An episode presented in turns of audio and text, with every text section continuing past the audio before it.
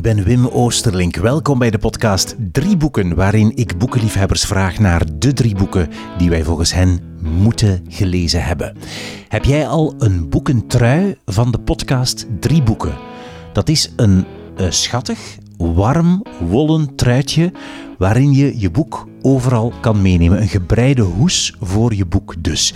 Je kan de podcast steunen door er één te bestellen. En dat kan je doen vanaf nu in de winkel op de website wimoosterlink.be, zolang de voorraad strekt. Bedankt om op die manier de podcast in leven te houden. Mijn gast in deze aflevering is Fenne Kuppens, geboren in 1993 in Heusden-Zolder. De zangeres van de Belgische rocksensatie Whispering Suns. Ze maken geweldige, donkere, new wave-achtige muziek, gedragen door de indrukwekkende, zware stem van Fenne. Whispering Suns won Humo's Rock Rally in 2016. Hun eerste album heette Image, 2018 verschenen. Daarop staat onder meer het nummer Alone.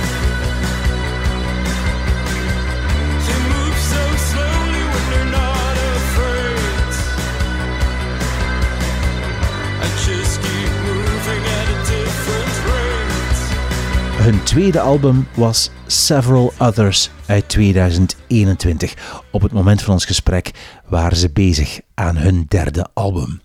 Fenne Kuppes woont in Brussel op een appartement in de buurt van het Zuidstation. Ik zag meteen een kast vol vinylplaten en een boekenkast. We gingen aan tafel zitten en ze vertelt over literatuur studeren, hoe dat in haar geval schadelijk was voor haar boekenliefde over werken in de bibliotheek, over de dichters die haar begeleiden als ze nummers voor een nieuwe plaat schrijft. En je hoort, ja, je hoort hoe een boek je kan veranderen in de zin dat het je een diep inzicht over jezelf kan geven waaraan je nog niet gedacht had. Ik ben een beetje vaag, ik weet het. Je moet het zelf horen zo meteen. Wonderlijk en heel intiem ook wat Fenne over een van haar drie boeken vertelt. En we horen wat er op de achterbank in de tourbus van Whispering Sons gebeurt. Alle boeken en auteurs die je hoort in deze aflevering met een link om ze eventueel online te bestellen, vind je in een lijstje op de website wimoosterlink.be onder het kopje podcast drie boeken. Dat zijn de show notes bij deze aflevering. En dan nu veel luisterplezier met de drie boeken die je moet gelezen hebben volgens Fenne Kuppens. Ja, wel, wel vrij belangrijk, denk ik. Maar het, het komt in periodes. Het is zo soms... Uh, lees ik echt, uh, periodes lees ik heel veel. En dan zijn er periodes dat ik echt geen boek aanraak voor een maand of zo. Dus dat is wel. Het is heel belangrijk, maar ja, er moet zo de, juiste, je moet in de juiste mindset zijn of zo om te lezen, vind ik. En wat is, wat, wat, wat is dan een factor waardoor dat je daarin zit, of waardoor je er niet in zit? Ik denk een bepaalde kalmte of een bepaalde rust in mijn leven of zo. Ik, ik lees bijvoorbeeld heel veel als we aan toeren zijn en als ik in de tourbus zit, omdat ik daar gewoon... Ja, ik zit zes uur in de bus, wat moet ik anders doen? Je hebt zo... Je weet wat je die dag gaat doen. Je gaat naar een show, je moet die show spelen, dus de rest van de dag kun je gewoon op je gemak een boek lezen. En dat is, uh, voor mij werkt dat het beste. Ja. Omdat je duidelijk weet hoe de dag eruit ziet en dat je veel tijd hebt zo. Ja, exact. Ja. ja. En is dit nu ook een periode waarin je veel leest of niet? Um, ja, nee. Dus het is een periode van onrust? Ja, ja, eigenlijk wel. Allee, ja. Het is echt een periode van onrust. Ik vind zo niet de tijd om mij even op mijn gemak te zetten en een boek te lezen. Dat, ja, dat gaat niet. En is dat dan jammer? Of maakt dat niet uit? Is dat gewoon andere periodes? Uh, ik vind dat wel jammer, want ik, voel, ik heb altijd het gevoel dat als ik niet lees, dat ik zo dingen aan het missen ben. En ik merk het ook wel dat als ik eigenlijk als ik niet lees, dat ik dan nog onrustiger word dan ik al ben. Dus ik zou het eigenlijk echt moeten inplannen. Gewoon zo, s ochtends als je opstaat, even voor je iets anders doet, een half uur lezen of zo. Maar ja, ik, doe dat zo. Ik heb dat zo gepland ah, om zo te, vroeger op te staan dan, dan, dan nodig. Mhm. En te beginnen met, maar dat is nog niet lang hoor, nog maar een maand dat ik dat doe. En dan zo beginnen met een uur lezen. Ja. En dat is echt, inderdaad, je hebt, zo, je hebt een soort gevoel van voldoening van, amai, dit heb ik al, ik heb al 40 bladzijden gelezen. Ja, ja, nee, dat is waar. Lukt ja. niet altijd, maar het is wel... Uh, ja, snap ik wel. Je, wordt, je krijgt er een soort rust van, van te lezen. Ja, zo, ja. ja. dat is echt... Ja, als je vroeger moet opstaan om dan zoiets productief te doen, dan uh, zet je binnenkort om vijf uur aan het opstaan om zo het gevoel te hebben dat je iets productief hebt gedaan. Maar ja, ik snap het wel. er zijn inderdaad nadelen aan, dat geef ik toe. Zeg, en werk jij nog steeds in de bibliotheek? Want je hebt een tijd in de bibliotheek gewerkt. Hè? Ja, ik heb anderhalf jaar deeltijds in een bibliotheek gewerkt, uh, maar ik doe dat niet meer. Al wel een paar jaar niet meer. Nee. Omdat het niet nodig is, financieel? Of omdat het niet leuk was? Nee, ja, uh, het was wel leuk, maar ik, het, het, was niet meer nodig. Ik kan nu voltijds van de band leven, van de muziek leven. Dus dat is uh, ja, mooi meegenomen. Dan ga ik niet meer in een biep werken. Oké, goed. En is het altijd zo geweest dat je graag las? Um, ja, ja, eigenlijk wel. Ik heb als kind wel veel gelezen. En ja, ik ben dan ook literatuur gaan studeren. Dus dat is... Uh, waarschijnlijk speelt dat daar ook wel in mee. Um, dus ja, ik heb altijd wel graag gelezen, maar ik moet toegeven dat door die studie ik wel minder graag ben gaan lezen. Wacht, je hebt literatuur gestudeerd ja. en je bent daardoor minder graag gaan lezen. Oei. Dat is, ja. dat is wel niet goed van die studie dan. Nee, dat is niet goed van die studie. Hè. Maar ja, dat is gewoon dat is, dat is een uh, studie aan de universiteit. En dat is allemaal heel analytisch en heel kritisch en heel gestroomlijnd of zo. En, en uh, ik had het gevoel toen dat ik studeerde dat het ook echt... Ik moest dan de kanon kennen, maar ja, dat zijn dan allemaal mannelijke auteurs. Um, dingen die uiteindelijk ver van mijn leefwereld stonden. En ja, dat je echt van, vaak van die dikke kleppers moest lezen waar ik echt niks mee had. En dan ook gewoon ja, geen interesse had om dat te lezen.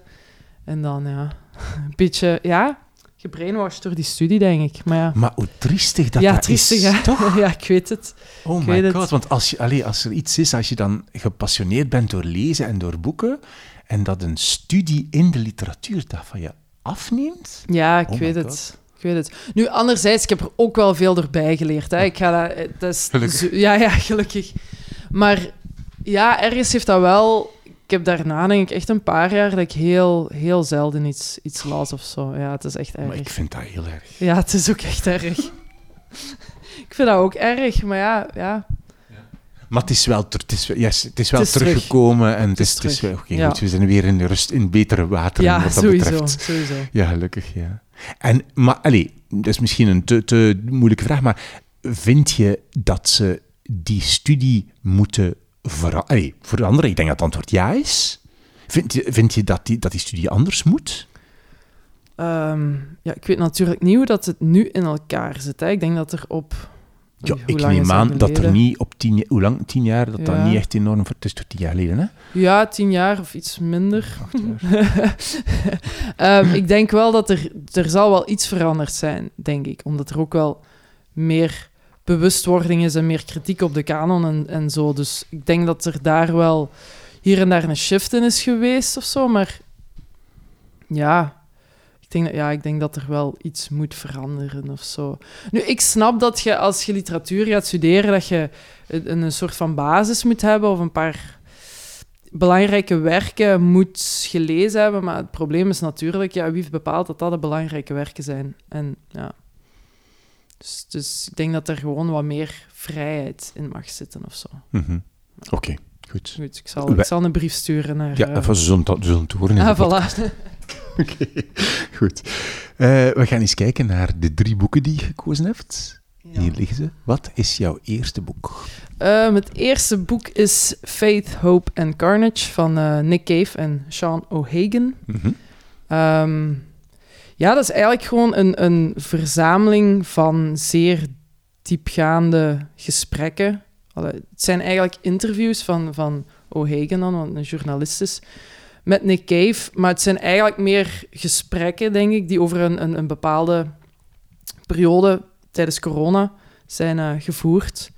En um, ook tijdens het schrijfproces van Carnage, die plaat met Warren Ellis. Dus ja, het is, het is een heel interessant boek. Ja, en uh, ben je fan van Nick Cave? Ja, ik ben uiteraard, een grote fan. ja. Heb je andere dingen ook van hem gelezen? Of uh, is dit... Ah, ja, enfin, dit is geen boek van hem. Ah, ja, enfin, het is wel raar, hè? Het is niet echt een boek van ja, hem. Het is een ehm, interviewboek met hem, zo, hè? Mm -hmm. Ja, ja. Goh, ik heb een van zijn fictieboeken gelezen. Nu moet ik even kijken welk dat, dat was. Ehm, en de, en de, de An- Angel. Saw the Angel, ja, Ja, dat. Ja, Die heb ik gelezen. Daar begreep ik echt helemaal niks Ah ja, van. Ik heb daar een stuk van gelezen, ik heb er ook niks van. Ja, dus, dus dat was van, hm, oké. Ehm, maar dan ook zo, ja, zijn, ik heb wel een verzamelde lyric boek van hem en dan de Sickbag songs, wat ook zo wat tourbedenkingen zijn. En ja, Ja, ja, ja. dus ik ben, ja, ik ben grote fan. Eh, die- wat, waarover gaat het zo'n beetje? Kan je een aantal dingen zeggen waar, waarover het in dit boek gaat?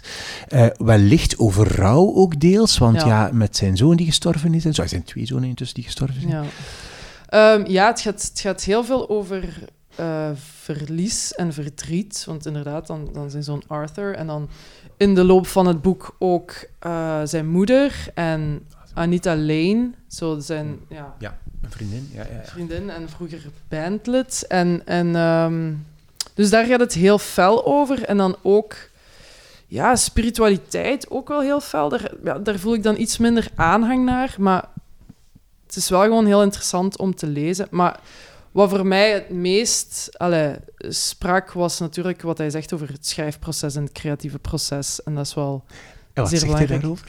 Goh, heel veel. Maar het ding is, ik heb dat boek gelezen, ook heel...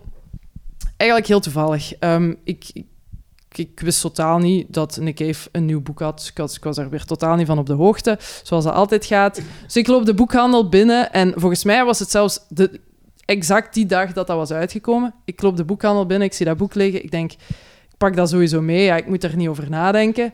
Wat, sorry, tussendoor, welke boekhandel? Passaporta. Passaporta in Brussel. Ja. Oké, goed. Ehm, dus ik neem dat mee en ik eh, kom thuis en ik begin dat meteen te lezen. En ik zat op dat moment zeer diep in het schrijfproces van onze derde plaat. Dus ik was de teksten aan het schrijven en dat ging maar niet vooruit en dat lukte niet. En dat... ik zat vast, er kwam niks. En dan begon ik dit boek te lezen en dat is dan zo echt een beetje mijn, mijn steunpilaar geworden.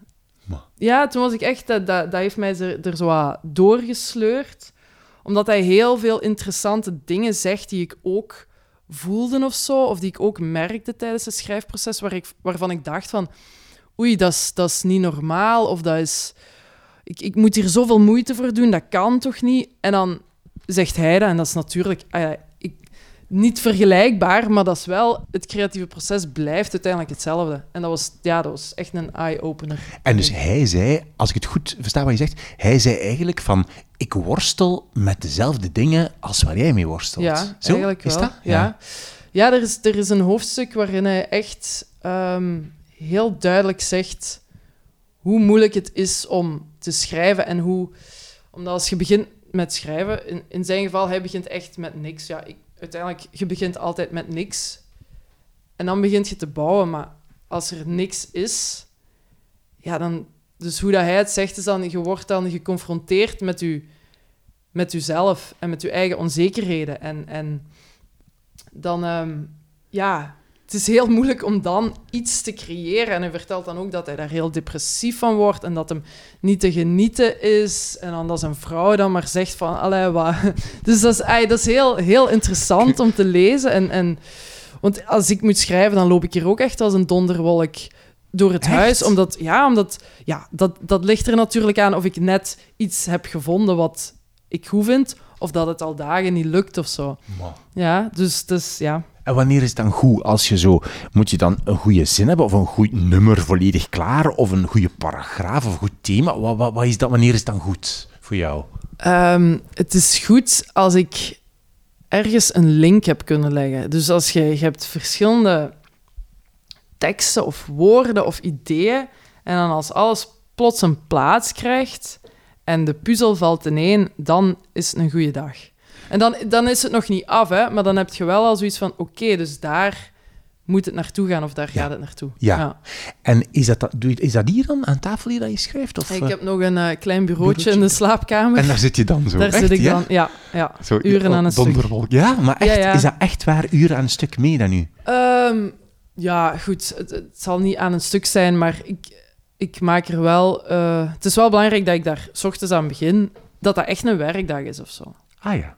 Dat, dat is bij een cave, Cave ook, hè? Ja, ja. ja, die begint echt zo om negen uur s morgens, gaat hij Ja. naar zijn bureau, begint hij echt zo te zitten en dan, dan Mhm. te, te wachten of te schrijven. Zo, hè? Ja, voilà. Ja, dat is, dat is hoe ik het eh, ook doe. Ik, ik, ik heb geen andere manier waarop dat, dat kan werken of zo. Ik heb nooit dat er, dat er pff, teksten zomaar uit de lucht vallen en, en, en ja, de goddelijke inspiratie, ik geloof daar niet echt in. Dus ehm, ja, vind schrijven is gewoon werken. Ja. Eh, laat je, want nu heb, hebben we het eigenlijk over het schrijfproces. hè, Dus dat. Nick heeft verteld, eh, spiegelt wat jij, de manier waarop dat jij schrijft, of de manier waarop je werkt. Eh, maar inhoudelijk, qua thema's van schrijven, qua thema's van ja, poëzie of songteksten, ehm, zit je daar ook in zijn buurt, vind je? Goh, nee, echt totaal niet. Ik denk dat... Goh, ja, nee, nee, nee. Ik denk, ik denk het echt niet. Ja. Ik vind het moeilijk om daar zo een antwoord op te geven. Ehm, hij schrijft meer, ja, hij schrijft vaak over liefde en over... Maar het ding is, hij, hij creëert echt een, een, een, een wereld. En met al zijn nummers creëert hij een- wereld en vertelt hij ook heel fel een verhaal of zo. En dat verhalen vertellen, dat zit er bij mij veel minder in. Oké. Ehm, Wat doe jij dan wel? pff, dat, dat weet ik niet zo goed. dat zoek ik ook nog uit. Nee, ja, ik, ik probeer gewoon mijn eigen gevoelens op papier te krijgen of zo. Maar wat ik wel, waar ik dan wel aanhang bij vond, is... Hij zei, hij zei ergens iets van... Dat hij, dat hij zijn nummers nooit een politieke boodschap meegeeft of zo. En daar, daar volg ik wel in. Hij zegt van, ja, er zijn mensen die dat veel beter kunnen doen dan mij, dus ik ga dat niet doen. Mhm. En dat is ook wel... Allee, ik, ik voel mezelf ook niet geneigd om, om er iets maatschappelijk of zo in te steken. Ja, oké. Eh, is er soms andere literatuur die jou inspireert of waar je, ik weet niet, ideeën of inspiratie uit haalt? Tijdens het schrijven of... weet Ja, niet. ehm, Andere auteurs of zo, dat je zegt van, ah ja, maar dat is nu echt iets waar ik zo mij, mij dichtbij voel of whatever, of dat ik, die mij helpen bij het schrijven, echt inhoudelijk dan? goh. Ik lees wel altijd veel poëzie als ik aan het schrijven ben. En dat is echt puur omdat...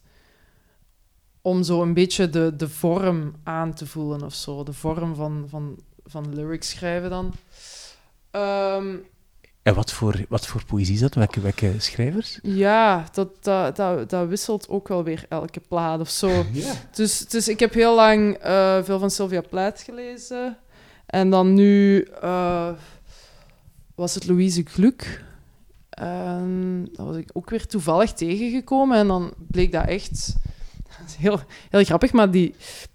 Ik was bezig aan een tekst om te schrijven. En dan had ik eh, haar, haar- een dichtbundel van haar gekocht. En dan begon ik te lezen. En dan was dat zo precies zo exact wat ik schreef, maar dan... Het, eh, ja, dat was heel raar. Het was zo... Tijdens, eh, tijdens het schrijfproces veel toevalligheden die ik niet zomaar kon negeren. Dus eh, ja, voilà. Cosmos. Ja, de kosmos, echt waar. Louise Gluk en de Cosmos. Die jou iets... eh, ja, oké. Ja, dus dat je voelde van, ik zit daar op een soort spoor dat... dat ja, enfin, Ja, exact dat. Dat Van, ik ben ergens wel naartoe aan het gaan of Ja, zo. ja, ja, ja. Dus Louis, en dat is voor de derde plaat was Louise Gluk Ja. en dan de tweede was eerder Sylvia Plath, ja. Ja, ja. ja. En weet je wat de eerste was, als nu toch? En Oh, de eerste... De eerste was denk ik nog veel T.S. Eliot en zo. al het. Ja. Oké. Goed, maar eigenlijk prachtig, toch? Voor Ja, elke plaat een dichter of ja, dichteres. ja, is waar. Oké, goed. Ehm, je zei, eh, daarnet zei je van, ik werk niet meer in de bibliotheek omdat ik, ehm, het niet meer nodig is. Mhm. Dus, eh, ja, sorry, maar ik ben daar gewoon benieuwd naar. Je verdient dus echt genoeg geld met de groep om, eh, met zangeres te zijn van de groep, om te kunnen leven.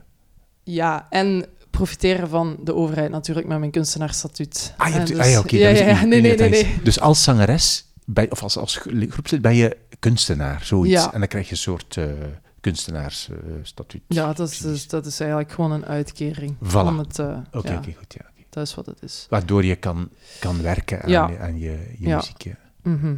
Goed, hè? Ja, zeer goed. Sommige mensen denken daar anders over. Hè? Die denken dat je maar een echte job moet gaan doen in plaats van eh, profiteur zijn. eh, profiteur zijn. Maar ja, goed. Misschien moet ze eens naar jouw muziek luisteren. Misschien veranderen ze dan wel gedacht. Goed, jouw eerste boek, Faith, Hope and Carnage, van Nick Cave en journalist Sean O'Hagan. Yes. Goed. Ja. Ah ja, ik, nou, ik heb, maar dat weet je waarschijnlijk, maar toch misschien ook een tip voor wie het niet weet. De eh, Red Hand Files Ja. van Nick Cave ken je ook. Mhm. de, de, de brieven waarin hij ja, eigenlijk vragen van fans beantwoordt. Ja. Ben je ook geabonneerd? Ik ben geabonneerd, maar ik lees wel niet alles. Ah, ja. Ehm, maar ik vind het wel altijd heel interessant. Onlangs was er iets waarin hij door zo de, de AI-chat en een van zijn lyrics... Allee, dus die eh, dingen moest een lyric van hem schrijven. En ja, dat trok dan toch op niet zo heel veel. Hij, vond Dus het, dat hij vond- vond het een bullshit song. Dus ja, ja, ja. wat Chat eh, GPT had gemaakt op basis van Nick, wat Nick Cave voorstelt.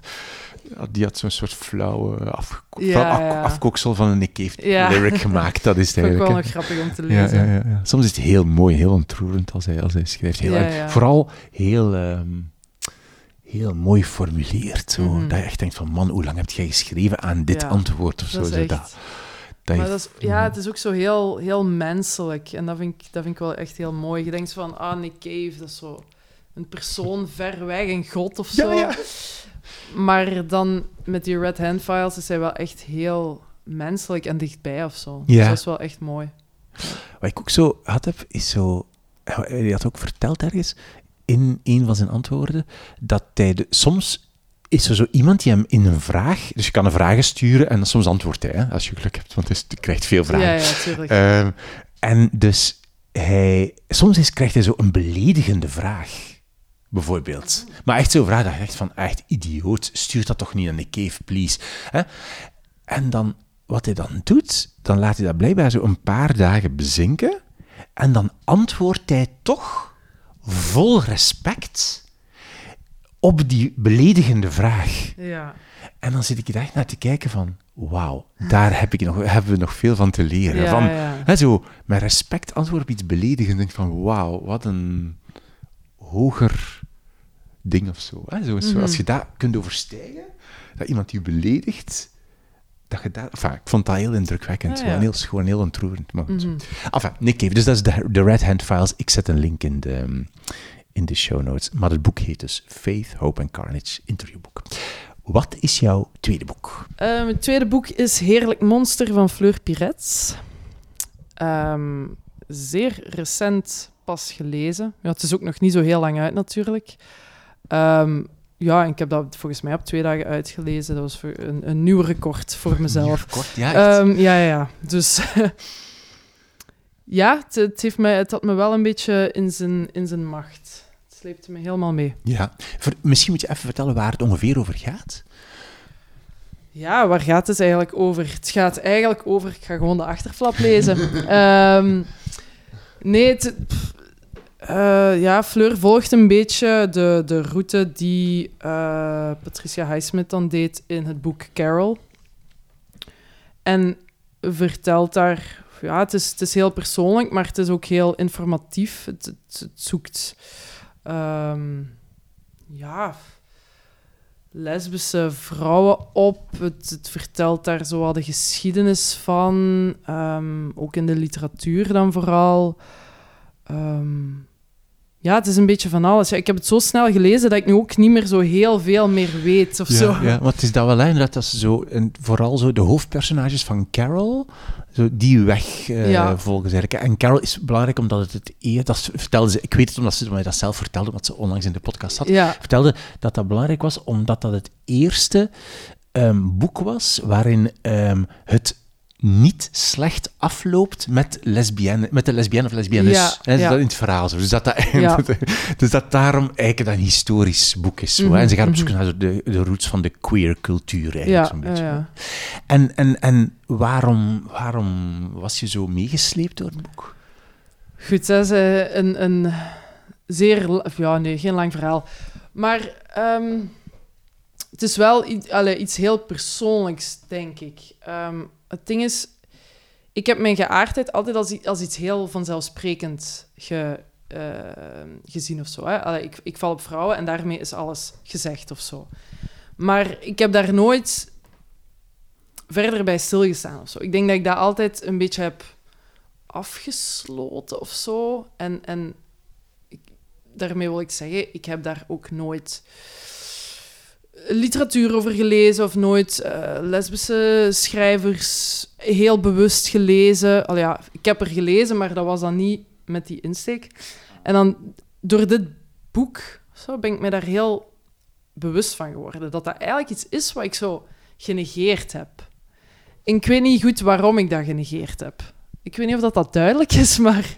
Ja, het is nooit een issue geweest. Nee, het is geen issue geweest, maar tegelijkertijd ook wel, denk ik. Snap je? Ik, ik, ik, ik heb dat niet gelezen, misschien ergens uit, uit angst of uit schaamte of zo. Omdat als ik nu, als ik Heerlijk Monster las, dan, dan waren er veel stukken die heel herkenbaar waren, maar die ook daardoor heel veel pijn deden of zo.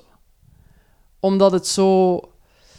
ehm, ja, die hele ervaring van met uw ja, geaardheid om te gaan of zo. Er is dan één zin die mij heel fel is, is bijgebleven. Dus eh, heel, allee, heel obvious of zo. Hè? Maar ze, ze schrijft dan... Mensen die niet voor hun geaardheid durven uitkomen, spreken over tijdverlies, over een jeugd die ze nooit hebben gehad, omdat ze zich gedwongen onzichtbaar hebben gemaakt. Ja, dat is, dat is iets dat... Als ik dat las, was zo van... Ja, fuck. Dat, dat was zo. Je, her- je plots, plots Pl- plots, verwoordde dat ja. wat jij eigenlijk al wat je, wat je meegemaakt hebt of zo, Ja. maar nog nooit verwoord had. Zoiets? Ja, en, en waar ik mij ook nooit echt heel bewust van ben geweest of zo. Allee, ik, ik weet dat dat...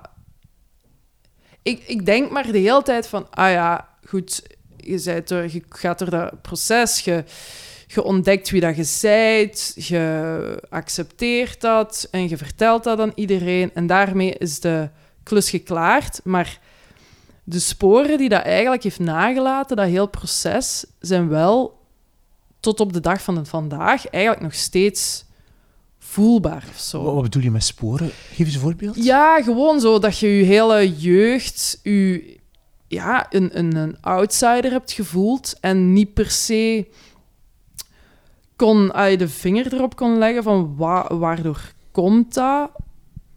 Allee, ergens weet je dat, want je bent er al mee bezig in je hoofd, maar je hebt niet door dat dat misschien hetgeen is waardoor dat je geen aanhang voelt tot de rest van je omgeving. Ja. En dat is wel heftig om te lezen dan, denk ik. Ja. Om te beseffen of zo. Ja, want zij, zij schrijft ook, want ik heb het ook gelezen, zij schrijft ook, ehm, dus die zoektocht naar zo die queer cultuur, hè, dat is zo'n beetje eigenlijk zoeken naar wortels van iets dat in, in, je, in je leven, in je eigen leven, ja, bijna afwezig is. Wat je eigenlijk in het begin zei Ja. over zo de literatuurwetenschap, hè, dat, ja, dat is zo, de queer cultuur is gewoon, gewoon volstrekt afwezig Ja, wellicht. absoluut. Ja. Is het zoiets dan? Ja, zoiets, sowieso. Dat ik, dat ik echt beseft heb, ook van, ja, ik heb daar... Ik ben daar gewoon niet mee bezig geweest. En er is inderdaad heel veel dingen, eh, allee, culturele dingen en, en geschiedenis of zo, waar ik mij niet bewust van ben geweest en, en waar ik gewoon niks over weet.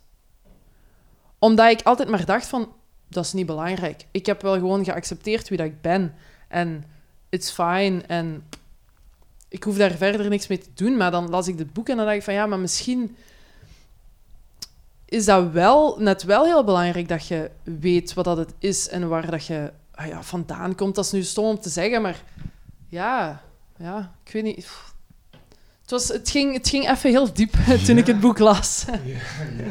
Ze heeft echt, dus die Fleur heeft echt zo heel erg gepinpoint iets wat je zelf nog niet, nog niet eh, gevoeld had of nog niet ja, verwoord had. Zo, Ja, zo. het is dat. Het is, het is die verwoording. En inderdaad, zoals gezegd, ja, de, de, in, de, in de literatuur en tijdens mijn studies, eh, queer literature, dat, dat was er niet. Dat werd niet besproken. Ik denk dat je dat misschien tegenwoordig als keuzevak of zo Ja, een kunt aparte kiezen. cursus, ja. ja. maar, maar allee, verder werd er geen aandacht aan besteed. En Ja, dat is raar, want dan leest je ook nooit over je leefwereld en over je gevoelens. En dan kun je ook moeilijker ehm, begrijpen wat dat je voelt, denk ik. Ik denk dat daarvoor dat boek, dit boek, eh, Heerlijk Monster, dan heel belangrijk is geweest. Je, je, leest, je leest altijd over een, ander, een totaal andere leefwereld, zoiets. Iets waar dat... eh, enfin, Ja, zoiets. Ja, maar het, het- allee, ik bedoel, dat is ook fictie. Hè? Je leest over dingen die niet per se... eh, waar dat je niet per se iets mee hebt of zo. Allee, als je een Moby Dick leest, allee, hoe ver staat dat? Ja, ja, dat is ook zo een van die boeken die je moest lezen. Volgens mij heb ik dat ook niet gelezen, maar... Niet. Ja, maar dat, dat begint met kleine dingen. Hè. Ofwel kunt je je ergens identificeren met dat personage, of zegt die dingen dat je ook denkt of zo. Maar het begint al gewoon met het feit van...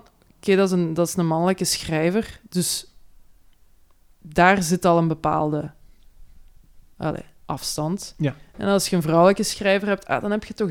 Dan is dat al gemeenschappelijk. En dan ik weet niet, ik was daar vroeger heel sceptisch over. Dat ik dacht van, "Maar, pff, dat maakt toch allemaal niet uit. Maar nu heb ik wel zoiets van, ja, dat maakt heel veel uit. Want, want het, het- het- er is wel een verschil in, in, ja, in, in het schrijven of zo. En de gevoelswereld van een vrouw tegenover een man. Ah, ja, niet om het zo binair te zien, maar... Allee, ja. Ja, absoluut. Ja, maar natuurlijk, ik begrijp wat je bedoelt. En daar, daar, gaat, het, daar gaat het ook Ja. over. Dat is wat Fleur Piret in haar werk eigenlijk Mhm. ook verwoordt. Zo, hè. En zeg, eh, je zei van, ik heb door dat boek heeft mij dus ja, toch wel, heel, het zat heel, heel diep, zei je. Hè? Mhm, ja? En je zei, of, eh, ga je nu ook meer daarover lezen, denk je? Ga je dat meer gaan exploreren? Inhoudelijk bedoel ik dan. Ja, misschien wel. Ik denk het, ik denk het wel. Ik, ik ben wel echt gewoon geprikkeld nu of zo om, om er verder, mij zo wat verder in te verdiepen. Maar voor hetzelfde geld doe ik dat ook gewoon niet. Allee, ik, ik weet het nog niet. Het gaat... eh, zullen zien. Maar ik vind het wel gewoon interessant om het dan ook op mijn eigen schrijfproces of zo te betrekken. Omdat eh, hier de insteek eh, op de achterflap staat dan van... Is een vrouw, een schrijvende vrouw, een lesbische vrouw... het aan zichzelf verplicht om ook over deze thema's te schrijven? En dat is wel al meteen van... Dat, dat, daar moet ik dan zelf ook over nadenken, want ik schrijf ook en ik schrijf helemaal niet over die thema's. Maar ben ik het aan mezelf verplicht om dat te doen? Dat, dat zet mij wel Ja, ja, begrijp ik. nadenken. Ja. Want, want natuurlijk, zo, wat, hoe dat ik het dan voel of zo, is, ik weet dat niet, maar als ik het, is van, als je het niet, als je, de- als je het niet meeneemt in je schrijven, ben je dan wel eerlijk, ben je dan wel echt Ja. helemaal, want goed schrijven is wel echt helemaal jezelf zijn of zo, Mhm. ergens toch, hè? En is het dan wel volstrekt eerlijk wat je schrijft? Ben je dan wel helemaal vanuit jezelf aan het schrijven Ja. als je het niet meeneemt? Dat is een Mhm. beetje, denk ik, mm, vermoed ik. Ja, dat, dat is het inderdaad. En dan... Allee, ik denk, in, in mijn geval, het zal wel ergens in mijn teksten sluipen. Het zal er wel eh, ergens eh, onder heel veel laagjes verstopt zitten. Maar het is, zit er nooit expliciet in. En het is misschien dat wat, wat je inderdaad moet accepteren of zo, om dan de volledige vrijheid te hebben om te echt gewoon te schrijven wat dat je denkt en wat je voelt. Dus je zegt toch het woord accepteren, hè? Ja, Is dat toch, is dat, zou, dat, zou het dan toch zijn dat, het toch niet, dat je het toch niet helemaal geaccepteerd of Goh, zoiets? Of ja, ik denk het wel. Ik, ja, ik denk dat dat het, het geval is. Ik, ik maak mezelf wijs dat ik het volledig heb geaccepteerd, maar ik denk dat er ergens nog wel zo dingen zijn die geen plaats hebben gekregen of die, ehm, die ik verdrongen heb of zo en, en daardoor dat het moeilijker is of zo. Ik weet het niet goed. Het is, het is iets heel raar. Ik ben, er, ik ben er de laatste tijd veel over aan het nadenken wat dat, dat dan kan zijn of zo, maar ja, ik ben er nog niet. En was, was het, het, het, eh, enfin, het uit de kast komen, bij zo'n spreken, was dat een, een moeilijk moment? Of, eh, Goh, ja, ik denk dat, dat bij iedereen is dat een moeilijk moment, maar dat was, geen, dat was zeker geen dramatisch moment of hmm, zo. Hmm. Ik, heb daar, ik heb zeker niet, geen onbegrip gekregen van mijn omgeving. Of dat, dat is allemaal geen probleem geweest, maar ik denk voor u, voor uzelf als persoon, is dat altijd een, een vreselijk moeilijk moment. Ja. ja. Maar zo goed als zo'n boek Vind je dat niet? Ja, ik vind ja. dat zo mooi en ik vind dat bijna ontroerend dat zo'n Ja. boek dan ergens daar even in kotert of zo en dan toch zo'n bewustwording of zo creëert die er niet was of zo. Ah, wel, ja, daarmee dat, dat, dat, dat boek ook heel belangrijk is voor mij. Dit, ah, is echt, het was echt een, ook weer een eye-opener of zo. Het was eh, ja, heel belangrijk. Ja, Ja. duidelijk. Dank u, Fleur. ja, merci Fleur. Ja, Merci, Fleur. Oké, goed. Ehm, Oké. Ehm, ah ja. Maar dat is niet op jou van toepassing. Maar toch, denk ik, ik weet het niet. Maar wa- wa- waar, waar, ze- wat zij ook vertelde, wat ik altijd moet aan denken als ik het over het boek heb, en, en toen ik bij haar was, bij haar thuis was, om voor de podcast te praten, zij had het, en dat gaat ook in het boek, gaat het daar ook over, over queer time. Dus dat je eigenlijk, ehm, wacht hè, dat je als queer persoon, zij noemt het altijd queer persoon, eh, dat je eigenlijk door pas, want zij is heel laat uit de kast gekomen, of heel pas, eh, eh, dat, ze, dat je eigenlijk je, puber, dat je puberteit later komt of zo, zei Mhm. zij. Ja. Zo, maar, enfin, ja, omdat je veel tijd verloren hebt of zo, dat, denk ik. dat hè? ja, inderdaad. Ja. Omdat je lang iemand anders bent geweest dan dat je echt zijt of zo. ja, zoiets, zoiets. Maar, Ja, maar dat is bij jou natuurlijk anders. ja, ik denk dat, maar ik denk dat dat bij iedereen er, er, alle, erin zit. Alle, Ja. Van alle queer personen hebben wel een beetje verloren tijd ergens. Eh, je zei dat je het op twee dagen uitgelezen... Wat is, wat is jouw normale periode waarin je een boek uitleest? Of lees, je- lees je boeken altijd uit? Ehm, ik probeer boeken altijd uit te lezen, maar als het een boek is wat mij niet zo interesseert, dan duurt het, kan het als een maand duren. Moby Dick. Ja. Ehm, goh, ik denk een week of twee weken of zo. Dat is Ja, ja. Ja, ja. Maar je leest het niet altijd uit, nee. Nee, nee, niet altijd. Zeg, ehm, heb je zo een lijstje met de boeken die je gelezen hebt? Ja, ik heb zo'n eh, Goodreads Ah, account. Goodreads, Ja, echt? ja. Ah, oké. Dus daar hou ik het wel bij. Ah, dus Ja. we kunnen jou volgen en dan zien we Ja, wat je gelezen hebt. Ah, tof. Dat is Dat kan. Ja, Ehm, je zei dat je op tournee met de groep, dat je dan eigenlijk veel leest, dat je dan echt zo zes uur in de bus, dat je dan tijd hebt om te lezen. Backstage ook, bij het wachten, zei je, of niet? Zei je niet? Ah, backstage niet, omdat er dan zoveel gebeurt. Ah, ja. Dan is er te veel afleiding rondom mij. Mensen die de kamer binnenlopen, terug buiten gaan. En daar, dan kan ik me niet concentreren. En ja, als je dan zegt op de bus, is dat bij de andere groepsleden ook zo, dat die lezen, of, spelen die enkel videospelletjes? Nee, nee, nee. ehm, maar ik zit dus... Dus het is een bus met drie rijen. Het is gewoon echt een, een, een sprinter-van. Ehm, dus zit- daar zijn negen plaatsen in. En ik zit dan samen met, met onze drummertuur eh, op de achterbank. En dat is zo, de achterbank is voor de mensen die op hun gemak willen zijn. op hun gemak een boekje willen lezen, wat muziek willen luisteren. En niet willen deelnemen aan de gesprekken als die er zijn. Ehm, maar over het algemeen is het op de bus altijd heel rustig. Iedereen houdt zich bezig met iets. Veel mensen lezen of luisteren muziek. Of... Ja. Dus het is altijd heel eh, gemoedelijk. Maar de achterbank, dat is toch wel echt voor Tuur en mij van, eh, ja, van groot belang. Ja. En eh, gaan jullie eh, ook zo naar de boekhandels dan, op de plek waar dat je bent? Goh, we gaan meer naar platenwinkels dan naar boekhandels. Maar als er zo ergens een eh, in de buurt is, dan probeer ik daar wel binnen te springen. Maar het, ja, het gevaar is natuurlijk dat je met zo'n gigantische stapel boeken naar huis gaat. En dat weegt natuurlijk ook wel weer. En dat is allemaal extra ballast dat je moet meepakken naar huis. En dan, ja. En dat gebeurt ook echt, ja. de- Ja, dat gebeurt soms wel eens, ja. Oké. Daar staan, ik zie daar de platen staan, met heel veel platen, eh, Ja. vinylplaten. En achter ons in de kast staan, eh, staan de boeken. Zijn, dat- zijn dat jouw boeken? Ja, al, Dat zijn mijn boeken, ja. ja, ja, ja, mooi. De, de meeste. Ja, ja, ja. Ja. Oké. En daar staat ook een gouden plaat. Oh, prachtig. Ja. Van jouw eigen plaat. Oké, goed. Eh, jouw tweede boek eh, was Heerlijk Monster van Fleur Piret. Dank u, Fleur. En wat is jouw derde boek? Eh, mijn derde boek is van Olivia Lang. Het is Funny Weather, Art in an Emergency. Art, dus kunst in een, in een noodgeval. Ja, ja. kunst in crisis eigenlijk. Crisis. Ja, ja, dat is wat... En wat is dat voor iets, dat boek? Ehm, het is eigenlijk een verzameling van essays, ehm, korte schetsen van bepaalde kunstenaars. goh, dat is ook weer een beetje van alles. Zo.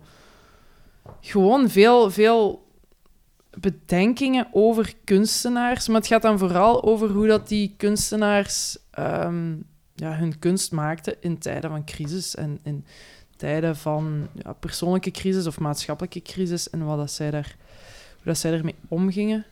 Het, ik heb het, wel, het is al even geleden dat ik, heb, dat, ik- dat ik het gelezen heb, dus ik heb niet meer zo heel veel Mhm. dat ik recht aan kan linken. Maar het is wel... Ja, ik ga gewoon blijven vertellen, hè. Ehm, het is het eerste boek dat ik van haar heb gelezen. En ik denk dat ik in de maand die nadat ik dit boek heb gelezen, heb ik gewoon al de rest van haar boeken gelezen. Ja, ik ben begonnen en ik ben niet meer gestopt. Ik ben dan daarna, hoe heet het, The Lonely City, dan The Trip to Echo Spring. Kijk en dan nu achter, achter haar. Everybody. Ehm, ik denk, ik heb alle boeken gelezen, behalve haar, haar fictieboek. Da- daar ben ik nog niet aan Dus dat zijn allemaal, de boeken die je noemt zijn allemaal zo dergelijke essayboeken.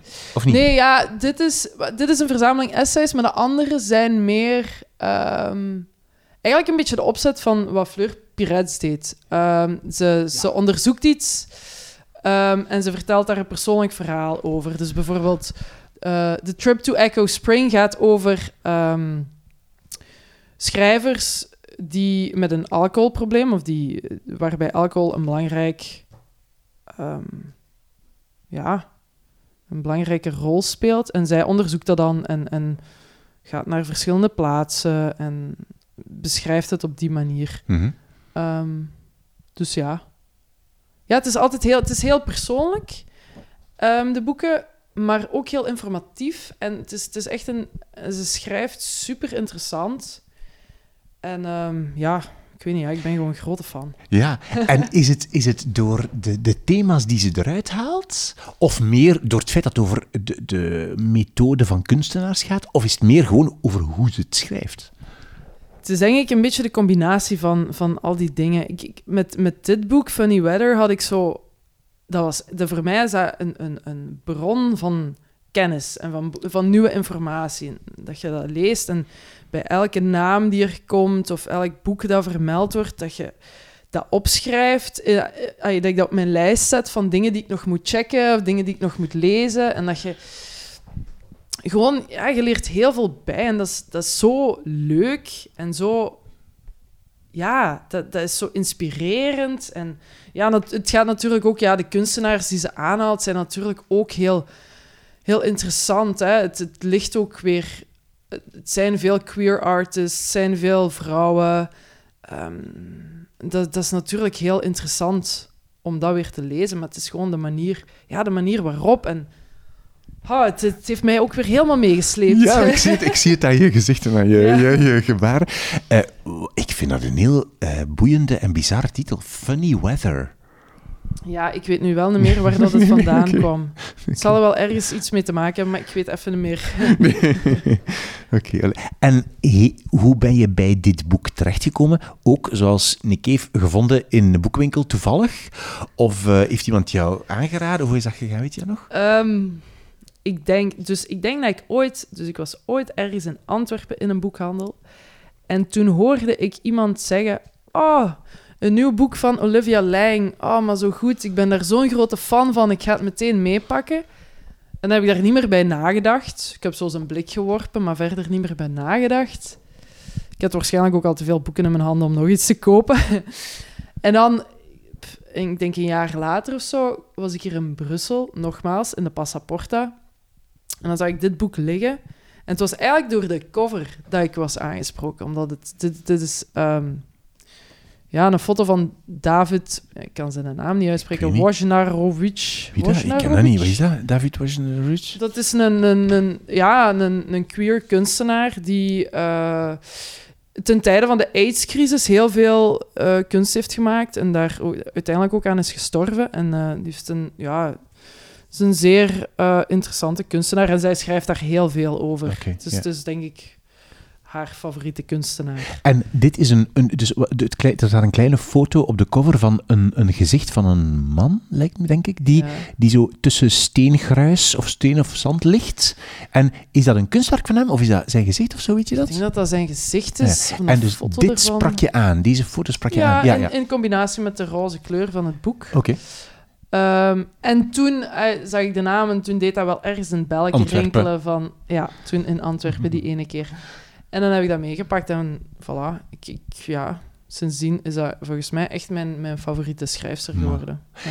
En je zei dat je dus een lijstje, eh, of dat je dan eh, kunstenaars of boeken die je tegenkomt in dit boek, dan ook weer zo opschrijft Ja. en dan weer gaat verder lezen. Is, het- Doe je dat ook, of is het gewoon, stopt het dan snel? Nee, ik schrijf, ze, eh, ik schrijf ze allemaal op en dan probeer ik die boeken te pakken te krijgen en te lezen. Dus dat, dat gebeurt wel. Heb je lijstje in gsm? Ja. Ehm, ik, ja, in mijn gsm. Of ik schrijf het op. Ah ja. Ik weet het niet meer. Maar ik heb bijvoorbeeld, ik denk hierdoor, dan het boek gelezen van... Ja, ik kan zijn naam niet uitspreken. David Woj, Wojciech. Wojnarovic. Wojnarowicz. Wacht, waar ligt het nu? David Wojnarovic, Close to the Knives. Ik denk dat ik dat gelezen heb nadat ik dit boek heb gelezen. Dat gaat over... Ja, dan moet ik even het erbij pakken. Even inderdaad de boekenkast even... eh, ja, daar is hem. Wacht, ik ga nu spellen hoe het geschreven wordt. David, maar ik schrijf het ook in de show notes. David Woj, met een J, na, ro, wits, W-I-C-Z. Voilà. Introduction by Olivia Lang, trouwens. Ah ja, voilà, kijk. Dus eh, Ja. het, het hangt allemaal samen. Ehm, ja, maar het is eigenlijk gewoon zijn, zijn memoires, om Ah, het ja. zo te zeggen. Ja. En het is heel ja, interessant. Het is, ja. Dus ja, het, het- het is gewoon een, een, een bron van kennis. En je, gaat er, je leert er zoveel dingen door kennen. En, en eh, ja, zo... Die, je, moet er, je moet er wel zo nieuwsgierig voor blijven. Maar dat is leuk om, om nieuwsgierig te zijn en toe te geven dat je eigenlijk helemaal niks weet. Want je hebt, zo, je hebt vaak zo het gevoel, of ik heb vaak het gevoel dat ik, dat ik verwacht word zo alles te weten of zo. En dat verwacht ik dan van mezelf. En daardoor is het ook heel moeilijk om toe te geven als je iets niet weet. Maar het is net zo mooi om, om nieuwsgierig te zijn en, en vragen te stellen. En ja, Ja. ja. voilà. Ja. Ja, leuk. Eh, lees je vaak, slash soms, boeken over eh, muzikanten? Dus we hebben natuurlijk Nick Cave gehad, oké. Mhm. Maar doe je dat nog vaak, zo over andere muzikanten? Eh, ja, sowieso. Ehm, nou, ik ga nog eens naar achter kijken. In de boekenkast even kijken. ja, ehm, nee, ik heb over ja, Patti Smith wel een aantal boeken gelezen. Mhm. Ehm, ja, en een boek van Kim Gordon, Girl in a. Band. Ah ja, ja. Vond ik ook heel interessant. En zo, Viv Albertine heb ik ook. Ja, ik heb zo wel een aantal boeken gelezen van, van ja. muzikanten. En het is ook altijd heel interessant om zo die ervaringen... Te zien van hoe doen zij Ja, het? Hoe, gaat het bij hen? Hoe hebben zij het ervaren? Oké, Ja. goed. Oké. Ehm, en, ehm, want je hebt natuurlijk twee van je drie boeken zijn in het Engels. Ja. Lees je ook... Ik heb het gehoord dat je vooral in het Engels leest, of is dat niet, niet waar? Ja, ik, ja, als de boeken in het Engels geschreven zijn, ga ik wel altijd in het Engels Ja. lezen. En ik, ja, ik lees eigenlijk niet heel veel Nederlandstalige literatuur. Ja, je teksten zijn natuurlijk ook in het Engels. Ja, ja, dat is waar. Ja. Het zal er wel iets mee te maken hebben, denk ik. Ja. Ik vind het ook altijd heel raar om terug in het Nederlands te lezen. Ah ja, die, die, domme, die domme literatuurperiode. Ja. Literatuurwetenschappen. Nee, maar ja, het is, ja, zo'n heel, een heel andere taal. Een heel andere manier van Ja. dingen zeggen of zo. Ja, ja. Ik kan iets vragen over jouw stem. Wanneer heb je ontdekt dat je zo'n ongelooflijke stem hebt? Pff, ehm, ik, heb dat, ik heb dat nog altijd niet ontdekt of zo, denk ik. Maar het is... Ja, op een gegeven moment is dat zo'n beetje gegroeid, denk ik. Allee, vroeger, als ik, als ik jonger was, dan zong ik veel hoger. Of dan probeerde ik echt ja, te zingen. Zingen, ja, veel hoger of zo. En dan op een gegeven moment heb ik dan beseft dat het veel gemakkelijker was voor mij om het, om het eh, dieper, om een diepere stem te gebruiken. En ik ben dat beginnen doen en dat was heel comfortabel en heel... Ja, ik moest daar zo niet te veel bij nadenken. En dat, fy- dat. fysiek ook, is dat eigenlijk een beetje jouw natuurlijke eh, stem zo? Ja, ik denk het wel. Mhm. Ja, ik denk het. Ah, Ik, ik, heb, daar, ik heb daar echt niet, niet veel over nagedacht. Dat is gewoon zoiets wat gekomen is. Omdat het natuurlijk ook in het queer gegeven, dat zit, het zit dicht bij het mannelijke timbre. Ik dacht, ik, weet, ik hoop dat je er niet kwaad om bent, maar ik dacht, toen ik de eerste keer op Willy jouw, jouw singles honderdduizend keer gedraaid heb, dacht ik dat jij een man was. Ja, eh, dat krijg ik wel gevaar te horen. Ja. ja, ja. ja. Ehm, ja, ja, ik snap het. Ik snap dat ook wel. Dat is ook, al, dat is ook helemaal geen probleem. Hè. Dus ehm, Maar, het is, en, maar het is dus wel, allee, je, weet het, je weet het wel, en het is niet dat je erom doet, maar het is gewoon comforta jouw comfortabel Ja. natuurlijke Ja. stemtimbre eigenlijk, Mhm. zo dat eigenlijk, ja. yep. Ja, het is fantastisch. merci, merci. Oké, goed. Wil jij jouw drie boeken nog eens herhalen voor mij, alsjeblieft? Wat was jouw eerste boek? Mijn eerste boek was Faith, Hope and Carnage van Nick Cave en Sean O'Hagan. Ja, twee. Het tweede boek was Heerlijk Monster van Fleur Piret. Mhm. En drie. En het derde boek was eh, Funny Weather, Art in an Emergency van Olivia Lang. Oké, dankjewel voor jouw drie boeken. Veel succes met al de geweldige muziek die je nog gaat maken en de teksten die, die gaan komen. Dankjewel, dankjewel. Veel succes met Whispering Sons. Dankjewel. Dit was mijn gesprek met Fenne Kuppens. Wat ze vertelde is nog lang in mijn hoofd blijven spoken, vooral wat ze over haar tweede boek zei. Luister misschien ook even naar de aflevering van Drie Boeken met Fleur Pirets zelf. Hè? Zo mooi als een boek dat kan veroorzaken. Luister naar de muziek van Whispering Sons, ook een aanrader, grote aanrader. En wil je deze podcast steunen? Bestel dan gerust een boekentrui van de podcast in de winkel op de website wimoosterlink.be. En als je een boek zou willen bestellen online, doe het dan altijd via een boekenlink in de show notes van de aflevering waar het over gaat. Daarmee steun je de podcast. Nog één verzoek, als ik mag. Laat vandaag of morgen aan twee vriendinnen of vrienden weten dat ze ook eens naar deze podcast moeten luisteren. Twee, daar doe je mij een groot plezier mee. Ik ben Wim Oosterlink. Dit is de podcast Drie Boeken. Dankjewel voor het luisteren en voor het delen. En tot de volgende keer.